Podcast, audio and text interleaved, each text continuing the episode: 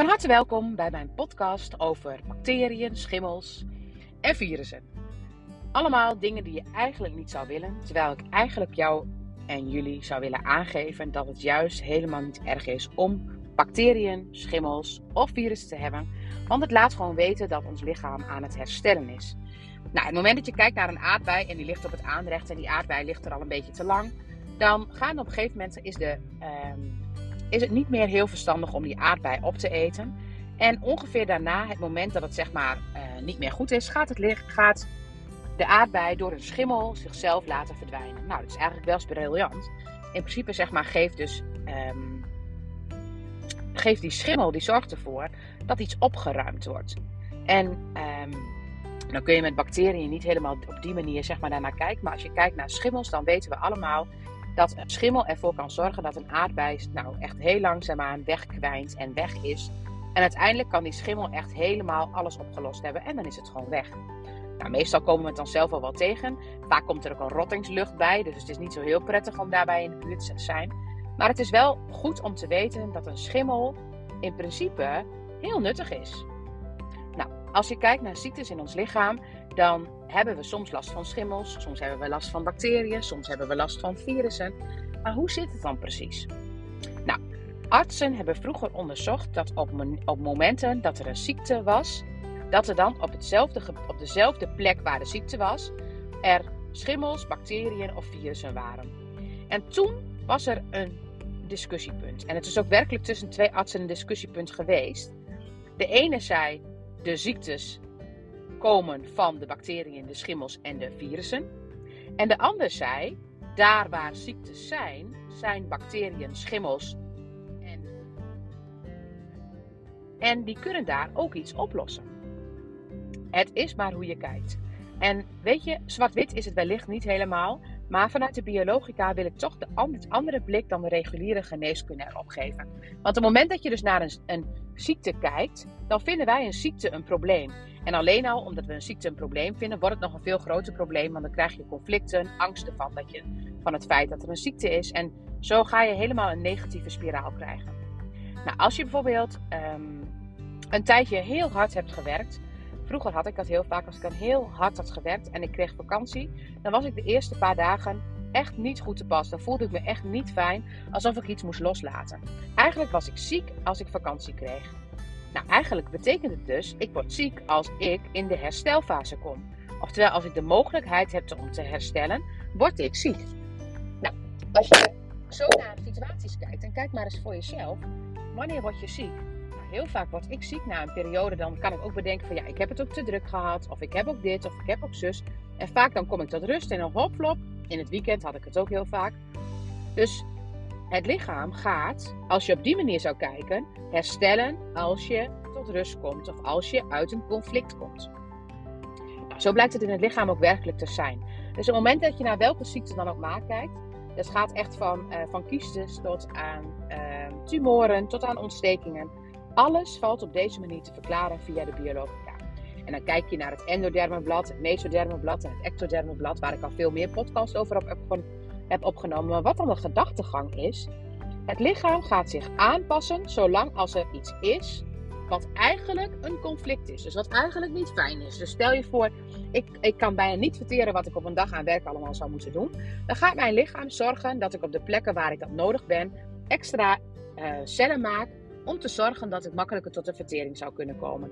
Kijk, en die extra cellen, die doen dus extra hun werk om te zorgen dat ik dat wat ik te verteren heb op een dag, en het kan ook gewoon mijn werk zijn, kan verteren. En het moment dat ik dan klaar ben met. Er komt rust in het systeem, dan gaat het lichaam herstellen. Heel vaak word je dan dus even ziek. En het herstellen, dan ga je dus koorts krijgen. Gaat het lichaam eigenlijk weer helen wat hij eigenlijk een periode te veel heeft gedaan. En vaak dat van te veel, daar maakt het lichaam ook in veel gevallen ook meerdere um, extra cellen aan. Dus ik bedoel, als ik iets moet verteren, is het handig als ik meer cellen heb die beter hun capaciteit en beter hun functie doen. Dus het lichaam maakt meer, maar op dat moment heb je er nog geen last van. Je bent alleen maar aan het overleven om te zorgen dat je het gaat verteren. En op het moment dat je dan tot rust komt, dan gaat het lichaam dat wat jij in de overlevingsstand hebt gedaan, herstellen. En herstellen doet hij met koorts en dat doet hij met ontsteking. En daar komen dus bacteriën, schimmels of virussen om dat wat er extra gemaakt is, de cellen die weg mogen, de troep die het achtergelaten heeft, weer op te gaan. Nou, in het endoderme systeem horen daar de schimmels bij. In het mesoderme systeem horen daar de bacteriën bij.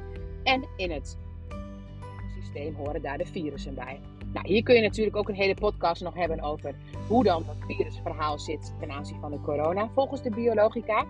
Maar daar ga ik me nog even, uh, of daar ga ik me niet aan wagen. Maar ik heb eerder zoiets van, ik vind het leuk om te laten zien hoe je ook naar ziektes kunt kijken. En let voor jezelf eens op. Het moment dat je eigenlijk ziek bent, kan het kloppen dat je dan daarvoor een fase hebt gehad waar je een soort conflict had. Dus bijvoorbeeld heb je een hele periode gezorgd voor iemand en kost je dat heel veel energie. Dan is het heel vaak zo dat je daarna ziek wordt. En dat zeggen we dan vaak ook. Het was misschien wel een beetje te veel. En dat weten we eigenlijk. Maar als het dan te veel is, dan is het ook letterlijk. Het lijf gaat proberen te zorgen dat je het redt. Dus die gaat extra dimensies inzetten om te zorgen dat je het redt. En het moment dat je dan dat niet meer hebt, dan moet het lichaam herstellen. En dat is de ziekte. Dus in heel veel gevallen is herstellen de ziekte. En dan is het dus eigenlijk geen ziekte. Dan is het alleen maar een herstelfase. Nou, vandaag had ik een gesprek met iemand en die heeft de laatste tijd heel veel bronchitis. En bronchitis is afhankelijk van of je man of vrouw bent en met ben je, welke handigheid je hebt. Dus ben je rechtshandig handig of linkshandig. En dat is dus echt wel belangrijk om eventjes te weten. Dus het is niet zo van, weet je, je weet zo ploep ploep wat er aan de hand is. Maar in dit geval was hetgeen waar de bronchitis om ontstond een terri territoriumangstprobleem. Dus iets in de omgeving, iets in het territorium wat angst gaf. En op het moment dat je dan heel veel slijm hebt en bronchitis ben je in de herstelfase. Dus eigenlijk zou je kunnen vragen, als je dan een bronchitis hebt, waar ben ik altijd zo bang voor geweest? Waar ik nu niet meer zo bang voor ben. Waar ik nu denk van, wow, dat kan ook anders. Nou, en heel grappig, daar kwam dus een voorbeeld in. En wat er dan vaak gebeurt, is dat als je één keer zo'n ontsteking hebt, dan is het één keer op die manier ontstaan. Maar als het steeds weer opnieuw is, dan is het belangrijk om te kijken, wat is er steeds weer in mijn omgeving? Of wat is er steeds weer voor mijn gevoel in mijn omgeving? Want het hoeft nog niet eens echt iets te zijn. Maar op het moment dat het steeds op die manier zo is, dan, um, dan ga je dus elke keer in de conflict situatie.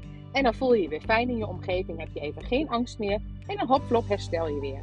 En zo gaan we dus de hele tijd in de conflict situatie en in een herstelmechanisme. En in een conflict situatie, dan zie je dus echt dat die cellen ook echt um, uh, minder, uh, hoe noem je dat? Nou ja, die gaan extra proberen om jou ruimte te geven, zeg maar. Dus die gaan dan ook echt jou helpen. En op het moment dat er een herstelmechanisme komt, gaat hij de boel weer opruimen en dan krijg je weer slijm. En sommige mensen vallen dus steeds weer terug in een bronchitisbeeld of in een vol, een, een, een borstkas, zeg maar, die heel vol is. En het moment dat je ziet dat dit het is, dan kun je ook zien waar zit mijn territoriumangst. Of in sommige gevallen is, is um, nee, een, een bronchitis is altijd territoriumangst.